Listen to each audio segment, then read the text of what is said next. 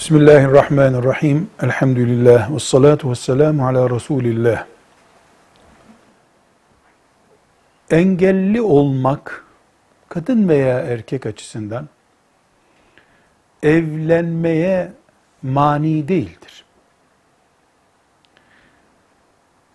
Genel olarak kural budur. Dinimiz açısından türü ne olursa olsun engelli bir insan bir mümin engelli ile veya engelli olmayan biri ile evlenebilir.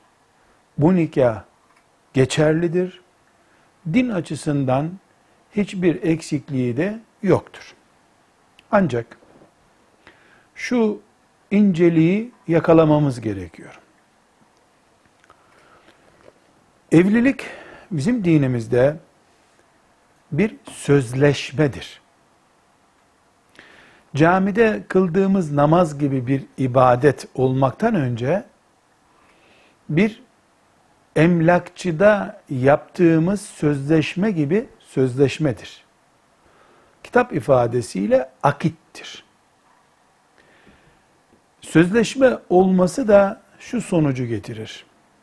Evlenen erkek ve kadın otururlar, anlaşırlar, birbirlerine razı olurlar.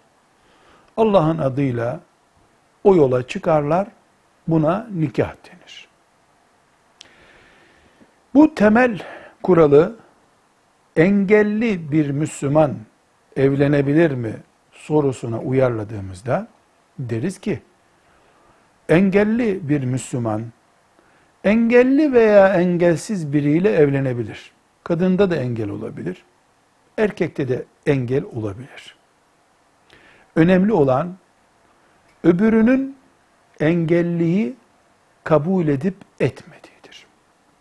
Eğer engel boyutu ne olursa olsun öbür taraftan gizlenip de bir evlilik yapılmışsa bu aldatmadır.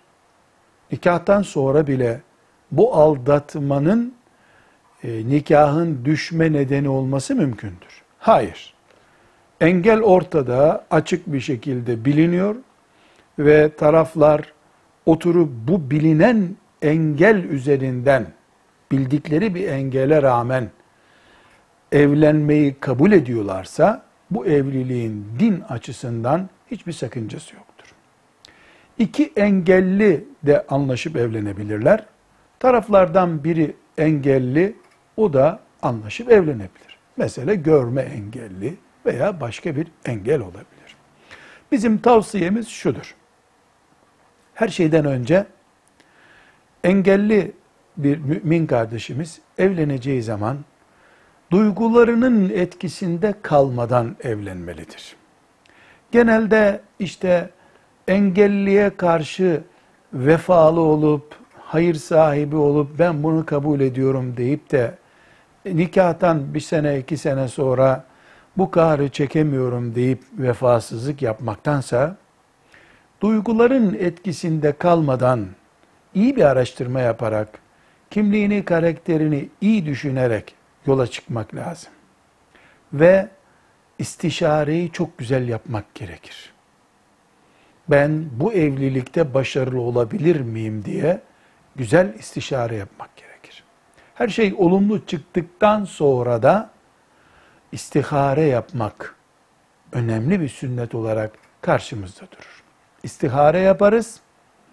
O da bize hayır gösteriyorsa engelli bir Müslümanın engelli veya engelsiz başka bir Müslümanla evlenmesinin dinimiz açısından hiçbir sakıncası yoktur.